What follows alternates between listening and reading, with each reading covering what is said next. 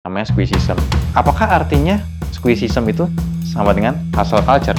Kalau pas SMA gitu, kalau malam kadang bisa ya fam time. Kalau sek- Benar, benar. kalau sekarang udah rasanya lebih Dulu jarang. bisa nonton bareng. Iya. Sekarang mah.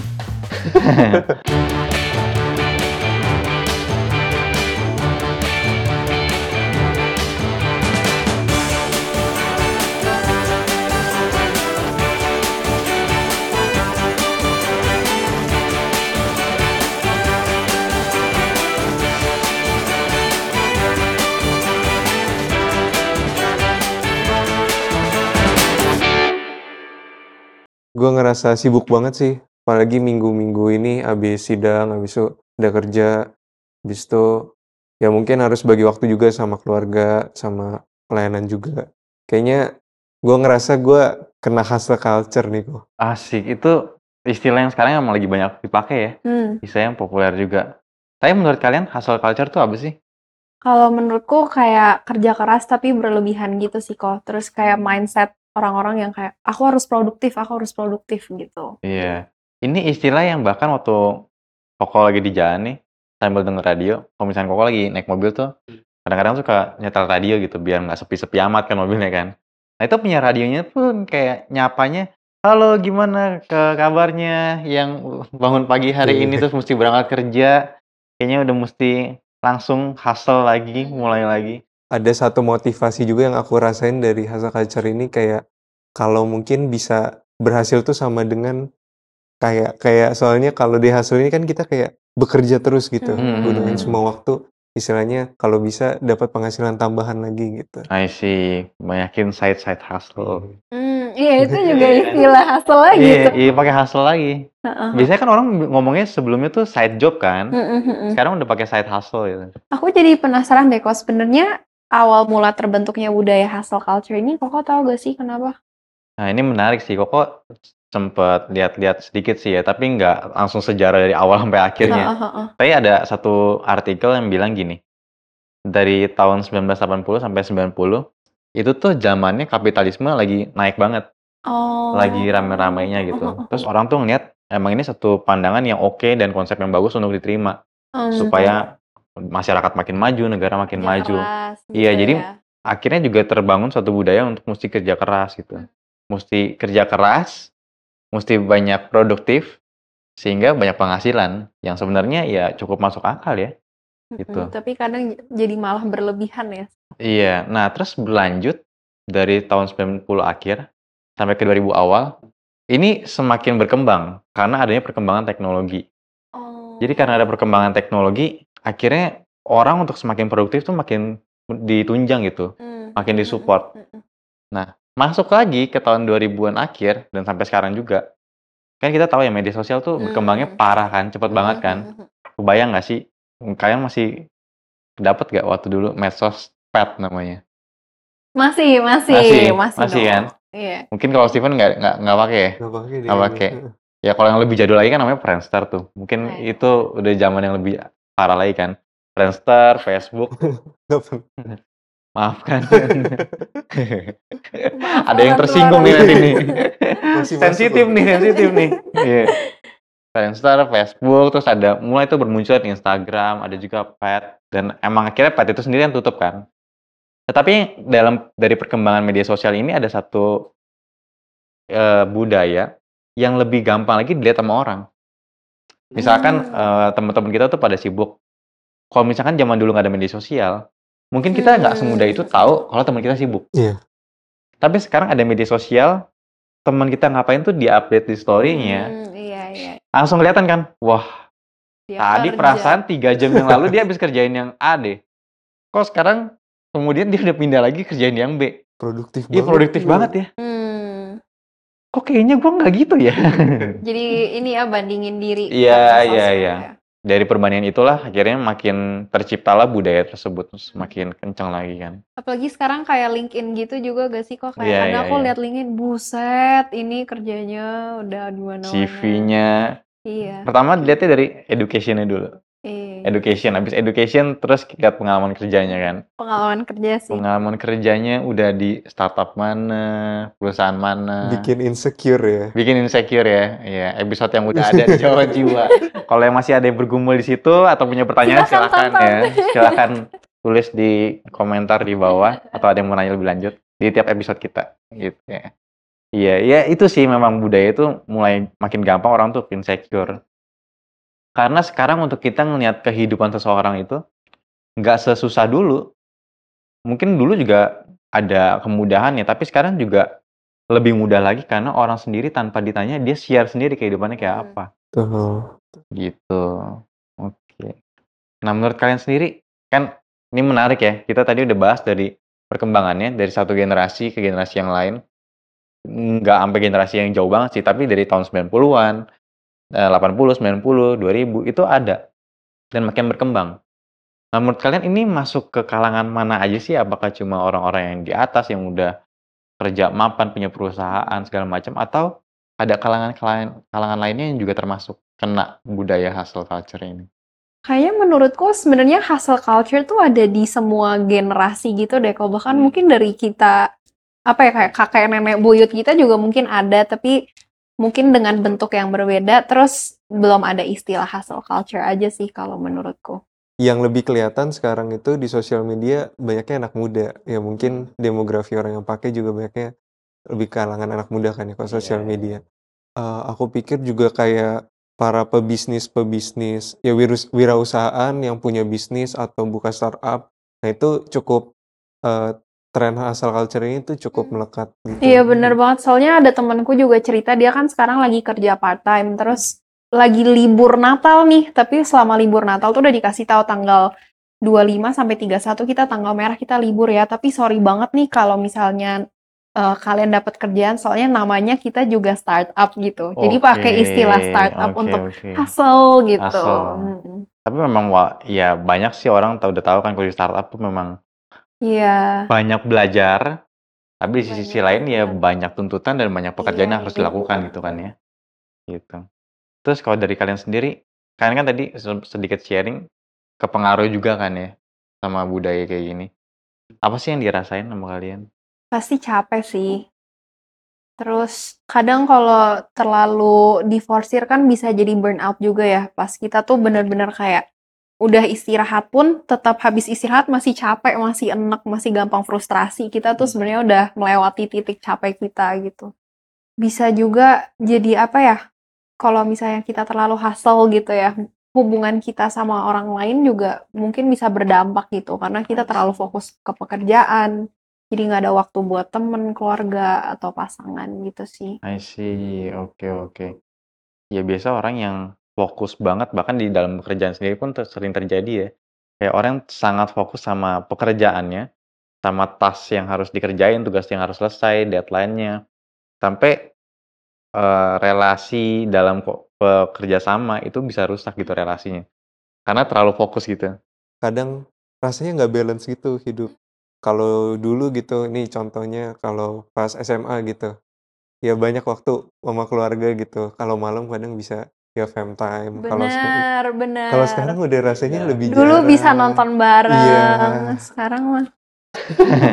Sekarang diajak nonton aja susah ya. Iya, Bukan yang nggak mau, tapi Bukan yang nggak mau, tapi emang nggak bisa. nggak ya. bisa. Iya, iya, iya, see. benar. Sama ini sih kok, mungkin cemas juga kali ya. Kayak kita tuh tanpa sadar kalau kita stuck di budaya hustle culture ini tuh kita apa ya secara konstan tuh terus kayak, wah gue harus ini, gue harus ini, gue harus produktif. Gue ngelihat di sosmed orang lain lebih eh, sukses daripada gue, berarti gue harus lebih lagi gitu. Kayak ada rasa cemas yang terus-terusan ada gitu kali ya. Menarik sih dari kalian saja tadi bilang tuh udah banyak hal-hal yang sebenarnya kalian bisa lihat sendiri dampaknya tuh lumayan negatif ya. Walaupun tentu ada pasti ada sisi positifnya dalam arti semakin produktif, semakin sibuk, biasanya orang akan melihat penghasilan pa- pasti pasti tambah banyak. Belajar pasti tambah banyak gitu kan ya. Karena kan yang dikerjain banyak gitu, pengalaman juga tambah banyak gitu. Tapi ternyata ada dampak-dampaknya juga ya yang perlu kita perhatikan ya. Yang kalau misalkan secara terus-menerus dengan dalam jangka panjang ya pasti efeknya Iya. makin parah gitu. Dan ada juga Koko waktu itu baca ya dalam satu buku Ini penulisnya namanya Kevin DeYoung. Dia bilang ada tiga bahaya dari bisnis. Bukan bisnis ya, bisnis. Jadi dari ya kayak kita bisa bilang dari budaya hustle culture ya. Dari orang yang sangat sibuk, sangat sangat sangat sibuk gitu. Ini bisa terjadi tiga bahaya. Yang pertama adalah itu akan menghancurkan kebahagiaan kita. Yang kedua, ini akan mencuri tujuan daripada kita atau mencuri hati kita istilahnya. Lalu yang ketiga, ini akan menutup hal buruk yang sebetulnya ada dalam diri kita. Tetapi karena saking sibuknya akhirnya nggak sadar. Gak ada Iya. waktu buat refleksi. Iya, iya. Menarik ya kayak yang dia bilang itu dari- dalam dalam tiga hal itu ya. Kayak yang pertama mencari eh mengambil kebahagiaan kita gitu. Bukankah kalau misalkan kita produktif produktif kan kita mau kejar satu hal kan ya. Ketika kita dapetin hal itu, kita akan bahagia, ya kan?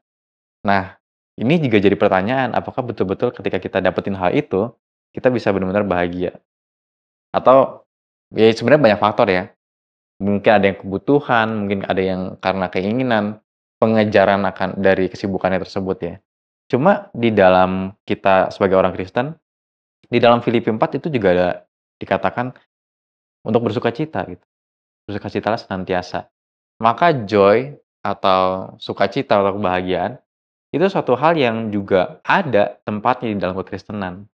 Dan kalau kita misalkan cuma sibuk aja dan tadi kan udah bilang ya, capek, cemas, dan kayaknya nggak balance hidupnya, itu kan otomatis akhirnya kebahagiaan dan sukacita kita tuh terenggut gitu. Akhirnya nggak ada lagi kebahagiaan. Padahal itu kan juga harusnya ada gitu, bukannya nggak ada. Iya. Lalu yang kedua tadi ya. Ini kita buka sama-sama di dalam bagian Alkitabnya. Di dalam Markus. Aku Markus. izin pakai HP ya kok. Monggo, Markus pasal 4 ayat ke-19.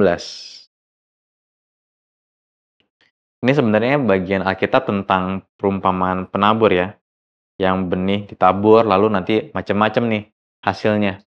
Lalu dalam satu bagian ada yang hasilnya seperti ini. Lalu kekhawatiran dunia ini dan tipu daya kekayaan dan keinginan-keinginan akan hal yang lain masuklah menghimpit firman itu sehingga tidak berbuah. Ya. Jadi ketika seorang sibuk ini mungkin nggak semua ya sekali lagi, tetapi ada kecenderungan ini yang perlu kita hati-hati. Mungkin ada sibuk yang saking parahnya itu salah. Nanti kita bisa bisa bahas lebih lanjut ya. Kesibukan apa sih yang yang nggak benar gitu ya. Tapi salah satunya adalah kesibukan yang karena kekhawatiran dunia ini yang merenggut kita. Lalu tipu daya, kekayaan, dan keinginan-keinginan akan hal yang lain. Ya tentu hal yang lain ini bukan sesuai dengan firman Tuhan ya. Hal-hal yang nggak berkaitan sama firman Tuhan gitu. Hal-hal yang dalam dunia ini yang akhirnya menarik perhatian kita, hingga akhirnya kita fokus ke sana, sehingga kita nggak sama sekali lupa akan apa yang es- sebenarnya esensial dalam hidup kita. Ya salah satunya adalah firman itu. Maka ketika firman itu diberikan, ya karena tadi, karena orang khawatir, akhirnya dia sibuk, dia fokus sama hal-hal yang lain, akhirnya firman itu nggak bertumbuh dalam dirinya. Lalu yang ketiga tadi yang menarik juga ya. Jiwa. Iya, Eh, dari Tim Keller, dia pernah bilang dalam satu buku, Counterfeit Gods, manusia itu pabrik berhala. Bahkan dia bilang ya, dia pakai satu kata yang menarik buat Koko. Dia bilang, default mode-nya, atau setelan pabriknya, setelan pabriknya manusia itu berhala. Karena ini ya, karena fakta manusia su- sudah jatuh dalam dosa. Contohnya gimana tuh kok? Kita ini kan sebagai manusia, pasti punya kecenderungan akan mengejar sesuatu atau menyukai satu hal. Dan hal itu sebetulnya nggak harus salah. Misalkan kita suka ketika punya keluarga yang baik. Kita suka ketika punya waktu kebersamaan dengan keluarga yang indah gitu. Tetapi keluarga itu sendiri pun yang baik bisa jadi berhala loh. Oh iya. Wow, iya. Uang. Uang ini tuh bisa baik. Bisa dipakai untuk membantu orang, bisa dipakai untuk um, menolong orang yang sedang susah, membangun gereja. Tetapi kalau salah arah bisa jadi berhala dan kita tahu banyak terjadi uang akhirnya jadi berhala gitu. Pasangan hidup pun juga sama. Apakah pasangan hidup itu baik dan kita perlu miliki? Ya Tuhan sendiri kasih mandat gitu. Tapi pasangan hidup pun bisa jadi berhala. Jadi eh, setelannya tuh setelan pabriknya tuh pabrik berhala. kita akan mencoba mendapatkan sesuatu yang menurut kita itu akan membawa kita kepada kebahagiaan, tetapi ternyata nggak dapet. Dan ternyata itu berhala. Karena kayak fokusnya semua ke sana dan itu ternyata bukan Tuhan. Karena semuanya itu harusnya cuma Tuhan yang bisa penuhi dalam diri kita. Nah, dengan kesibukan, ketika orang sibuk gitu ya, sebetulnya dia tuh bisa punya waktu untuk refleksi, lalu untuk lihat diri, sebenarnya berhala gue tuh apa sih? Sebenarnya blind spot gue tuh apa sih? Tapi karena saking sibuknya, nggak ada waktu untuk refleksi diri. Akhirnya ketutup lah. Ketutup dan ini jadi gaya hidup dan akhirnya sama sekali jadi orang yang nggak peduli sama sekali gitu. Bener sih. Bahkan boro-boro waktu buat refleksi. Kadang kalau aku lagi kayak, wah gue harus produktif nih, gue harus produktif kayak gitu. Itu aja bahkan untuk benar-benar mindful melakukan apa yang sedang aku lakukan aja tuh udah susah gitu. Misalnya kayak aku Hmm. ada tugas cuci piring, aku kayak buru-buru buru-buru harus nugas habis ini gitu. I Iya, jadi see. hal-hal kecil gitu aja tuh udah nggak bisa diapresiasi dan benar-benar diperhatiin lagi kalau aku sih gitu kok. Ini contohnya menarik ya. Sebenarnya cuci piring itu kan kita bisa sambil menikmati ya. Iya.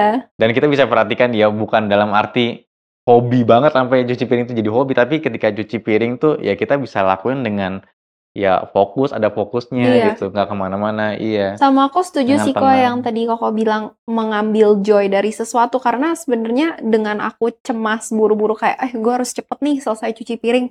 Aku jadi apa ya? Padahal kan mungkin pas aku cuci piring biasa sama pas aku buru-buru mungkin hasilnya sama, waktu yang keambil sama. Paling waktunya Tapi juga bedanya iya, hitungan detik gitu ya. 10 detik gitu. Iya, Tapi karena iya, yang iya. satu aku kayak buru-buru jadi aku kayak cemas. Sementara yang satu lagi aku bisa kayak ih satisfying nih sabunnya hilang gitu. Iya, iya, iya, iya. Iya bener sih. Lebih ke kepikirnya itu ya. Iya "Oh, iya. belum beres, ini belum beres. Iya kayak Iya. cemas terus. Cemas. Heeh. Kepalanya tuh bising. Bising Iya aja. bener. Bising. Di dalam satu masterclass Pak Kavin Bangun pernah bahas itu tuh. Tentang kita hidup di dalam dunia itu yang bising. Bising banget, suara tuh banyak banget. Tanpa kita minta pun suara tuh bisa masuk dengan mudahnya. Ya apalagi dengan zaman media sosial sekarang ya. Kita bisa cari sendiri dan kita menyukai kebisingan itu. Sampai lupa kapan harus punya waktu tenang. Sebenarnya kita secara otomatis bisa menyukai kebisingan itu tuh salah satu bentuk berhala juga enggak sih kok? Atau gimana? Iya. Hmm. Ya misalkan ambil contoh entertainment jadi berhala kita. Atau kenapa entertainment jadi berhala kita? Karena kita sangat menginginkan diri kita tuh dapatkan kesenangan. Hmm. Maka kita akan mencari segala cara untuk entertain ourselves. Pakai banyak waktu kita untuk ke sana gitu. Hmm, bener sih. Iya sih sosmed ngefek banget sih kok. Aku juga pernah baca buku soalnya yang bilang kayak dulu tuh em, maksudnya kan ini perkembangan teknologi itu sebenarnya untuk membantu hidup kita lebih praktis, lebih mudah gitu. Dulu kirim surat berhari-hari, sekarang kita pakai email, terus sekarang bisa pakai chat, tambah lama kan tambah instan. Iya. Tapi apakah hidup kita jadi makin santai, makin dibantu? Sebenarnya enggak, justru kita tuh berjalan di treadmill kehidupan tuh treadmillnya jadi makin Cepet banget. gitu. Jadi Cepet ya banget. iya, bener, jadi makin hassle. Nah, kok tapi jadi penasaran juga deh. Sebenarnya jadi sibuk itu salah nggak sih kok? Dan bukannya kita juga dituntut untuk terus bekerja ya? I see. Nah, ini pertanyaan yang bagus ya. Ini YOLO. pertanyaan yang eh, kritis gitu ya. Bukankah kita juga dituntut untuk menjadi orang Kristen yang memaksimalkan hidup kita? Bukan kita, bukankah kita menjadi orang Kristen juga harus produktif? Kita punya talenta apa, kita punya bakat apa, kita punya berkat apa daripada Tuhan, punya kesempatan apa? Itu harus kita kerjakan. Dan kalau Tuhan kasih berlimpah ya kita coba kerjakan seberlimpah itu gitu. Bertanggung jawab di hadapan Tuhan. Dan di dalam gerakan kita sendiri kan memang ada istilah ini yang dipopulerkan oleh Pak Pak Stephen Tong kan ya, namanya squeezism. Nah, apakah artinya squeezism itu sama dengan hustle culture? Aku rasa ini dua hal yang berbeda. Di mana bedanya? Di mana bedanya? Hustle culture itu akan mendorong untuk orang itu begitu produktif, begitu sibuk, begitu mencari apa saja yang bisa dikerjakan dan sesibuk mungkin gitu. Hmm. Sedangkan di dalam eh, Alkitab kita bisa mendapati ada konsep namanya sabat ya, rest. Dan ketika kita memperhatikan hal ini ya, Tuhan ketika menciptakan dunia ini, dia membentuknya di dalam enam hari. Lalu pada hari ketujuh dia beristirahat. Dan bisa dikatakan dia itu ketika 6 hari dia bekerja. Dia berfirman, ya. Dan ketika berfirman itu salah satu bentuk pekerjaan yang ia lakukan. Sampai akhirnya menjadikan bumi dan pada hari yang ketujuh dia rest. Nah ini sebetulnya ada ritme dari ciptaan ini yang Tuhan sudah desain. Tetapi apakah ini plek-plek hanya di dalam hari? Enggak juga. Tuhan pun mendesain tubuh kita untuk Hmm. tidur kan? Circadian rhythm. Iya. Itu tuh desain ritme yang Tuhan sudah ciptakan bagi diri kita, bagi tubuh kita gitu ya. Dan kita tahu sendiri dampaknya kalau misalnya kita mengabaikan hal itu. Iya kan? Baru kemarin begadang. Baru kemarin begadang, iya. Eh, tentu di dalam momen-momen tertentu dalam hidup kita ada waktunya kita harus begadang. Ada. Ya urgent gitu Iya, ya. iya. Anggaplah satu waktu Koko tiba-tiba dapat eh, panggilan untuk pelayanan dadakan besokannya. Nggak ada yang bisa lagi khotbah, mesti Koko yang khotbah gitu. Lalu waktunya sangat mepet. Ini pernah terjadi sih. Ini curhat nih Curhat. sekarang Curhat, curhat. ya. Bukan bukan di Geri Karawaci, waktu masih STT. Oh. Masih STT. Wah itu begadang. Begadang mau nggak mau, mau kata sengantuk apa secapek apa ya tetap harus persiapan sebaik mungkin gitu kan ya. Tetapi bukan artinya dalam seluruh hidup kita kita jadi begadang kan. Nah jadi kita perlu sadar bahwa ada ritme ini gitu. Lalu yang kedua juga kita perlu sadar arahnya. Arahnya ini mau ke mana? Arahnya hanya kepada produktivitas itu sendiri atau produktivitas ini untuk mencapai satu hal yang lain. Oh. Ya, ini dua hal yang berbeda. Kita sibuk untuk sibuk itu sendiri, atau kita sibuk untuk satu tujuan yang Tuhan sudah berikan bagi kita. Mhm. Atau saya sibuk di dalam callingnya saya, dalam panggilannya saya. Maka ini akan jadi suatu pembeda juga. Ketika Tuhan memanggil seseorang, pasti Tuhan mau menginginkan dia melakukannya sesuai dengan kehendaknya. Kalau sesuai dengan kehendaknya, sesuai perintahnya, maka itu tidak akan berkontradiksi dengan desain yang Tuhan sudah berikan di awal. Hmm. Tapi kok aku penasaran deh, kita kan sebagai manusia kayak Koko bilang tadi punya kecenderungan untuk me- apa ya, bikin berhala untuk diri kita Hmm. sendiri gitu kan. Gimana kalau sebenarnya awalnya motivasi kita bener, terus kita jadiin itu tujuan dari kerja keras kita, tapi tanpa sadar kita tuh membuat tujuan awal yang bener itu tuh jadi berhala kita. Gimana cara kita Yes, bedain? yes, yes. Koko ambil contoh ya, misalkan ada orang yang dari awal tujuannya motivasinya sangat murni gitu. Dia mau bekerja di dalam satu tempat yang bukan cuma sekedar cari untung, tapi ternyata tempat ini pun juga sambil membantu orang yang lainnya. Dia tahu ini tempat yang oke, sesuai dengan panggilannya dia, sesuai visinya perusahaannya juga lihat-lihat bagus gitu ya. Gak cuma sekedar cari profit, tetapi memang untuk memberikan me- benefit bagi masyarakat juga gitu. Lalu dia akhirnya bersemangat lah bekerja di sini. Tetapi lama-kelamaan dia fokus hanya pada kerjaannya, nggak lagi fokus pada panggilannya tersebut atau ada visinya tersebut. Dan ini bisa terjadi, dan mungkin banyak terjadi. Karena ketika kita bekerja, satu sisi kita sendiri punya kecenderungan berdosa, iya. Yang kedua, iblis itu nggak tinggal diam. Dia akan mencoba menggoda kita gitu, untuk menarik kita salah arah. Jadi bagaimana kita nanggulanginnya nih? Nanggulanginnya adalah dengan satu, kita punya habit yang benar ya. Habit untuk rest, habit untuk tenang, habit untuk bersandar pada Tuhan dan datang pada Tuhan. Itu akan mencegah sih. Itu kayak kalau misalnya kita punya habit itu ya, ketika kita mau salah arah, salah fokus, balik lagi. Dan itu banyak alat anugerah yang Tuhan berikan. Selain daripada firman, doa, ada juga komunitas. Hmm.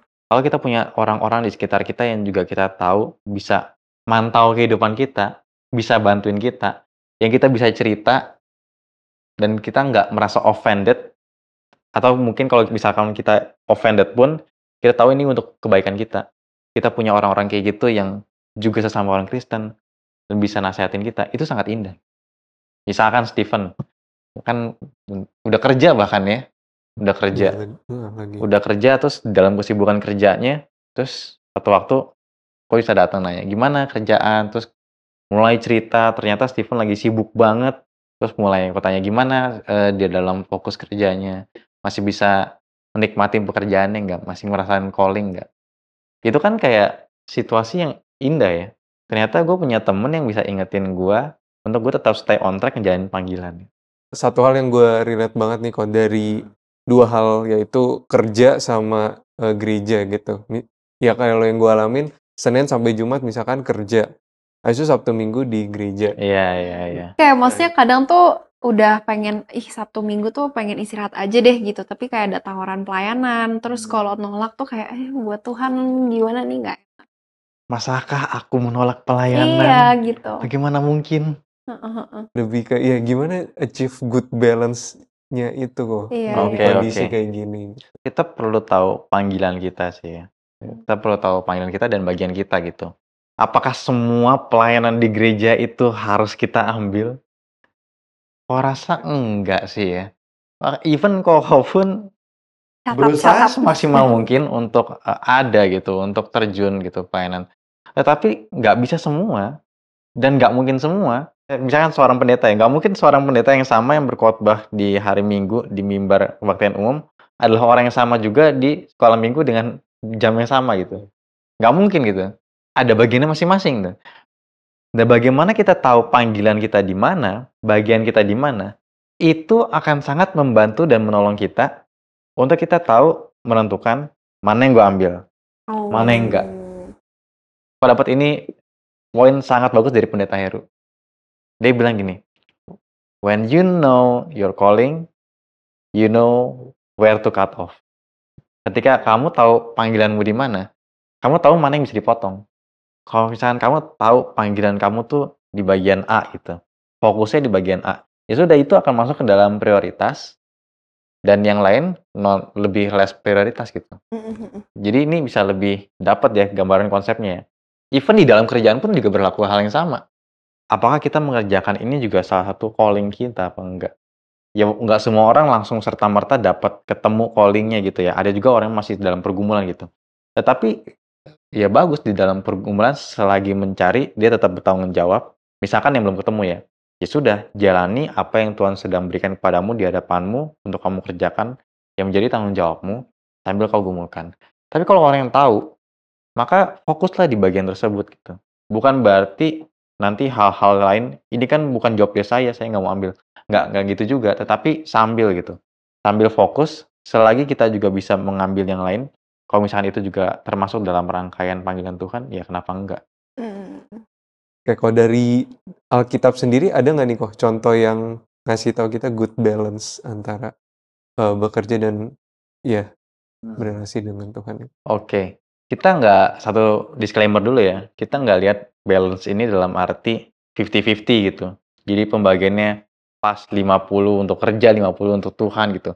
Enggak sih, tapi kita lebih ngelihat pandangan yang oke, yang menyeluruh, yang Tuhan mau tuh kayak apa sih ketika kita menjalani kerjaan kita.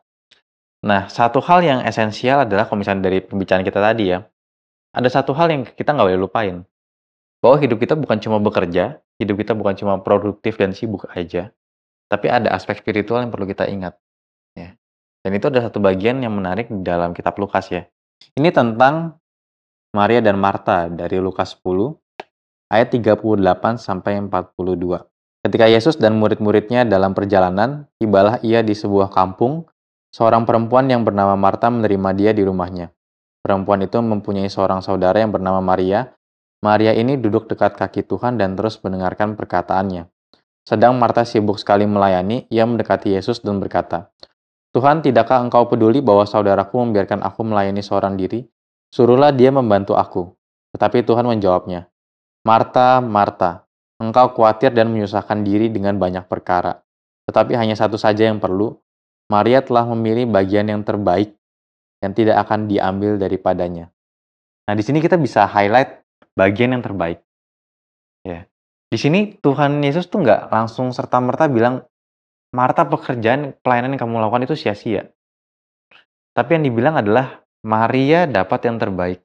Jadi bukan artinya ketika kita sibuk dalam pekerjaan kita, itu salah sama sekali dan kita harus tinggalkan. Ya udah kalau gitu gue nggak mau jadi orang sibuk, gue mau malas-malasan aja.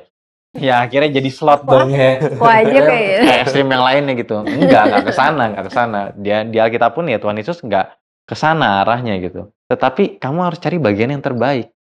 Yang terbaik itu apa? Sekali lagi, mendengarkan firman Tuhan duduk di bawah kaki Tuhan. Itu salah satu bagian yang terbaik. Tanpa meniadakan hal-hal lain juga di dalam kehidupan kita. Gitu loh.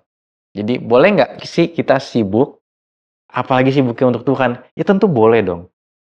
Apalagi sibuk di dalam panggilan yang Tuhan memang berikan bagi kita. Ya tentu dong, kita harus memakai seluruh talenta sekali lagi. Seluruh apa yang ada dalam diri kita dimaksimalkan sema- semaksimal mungkin untuk Tuhan. Ya. Tetapi di dalam memaksimalkan itu dalam usaha kita, pekerjaan kita, studi kita, ada bagian juga yang terbaik yang perlu kita prioritaskan. Kapan saat teduh, kapan kita rest, Kapan saat teduh? Kesenggol tuh. senggol, senggol, iya. Iya. Jadi dari situ ya sekali lagi kita bisa dapat gambaran yang oke ya tentang bagaimana kita harus punya waktu untuk Tuhan sambil sibuk juga. Karena kita mau dapat yang terbaik juga.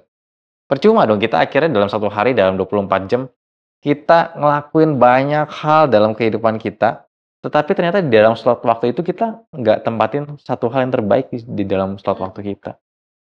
Jadi emang intinya adalah kita tuh harus tahu panggilan dan fokus utama dalam hidup kita, baru dari situ kita kan bisa bikin skala prioritas dan dari situ kita juga bisa nentuin mana yang bisa di cut off, mana yang bisa ditolak gitu. Eh, baru sadar juga sih tadi yang kau ada bilang efek negatifnya secara pikiran, hati dan gi- yang bisa ter ef- eh, ternyata kena efeknya juga gitu dari hustle culture Iya. dan juga diingetin lagi sih akan panggilan yang kadang malah bener sih jadi nggak inget panggilannya tuh apa sih Iya, sebenarnya pokoknya iya, kerja iya. aja. Iya. Pokoknya Kerja, kerja, Kerja kerja. Iya, iya, iya. Benar sih. Sampai lupa ternyata kerjanya ini buat apa ya? iya bener-bener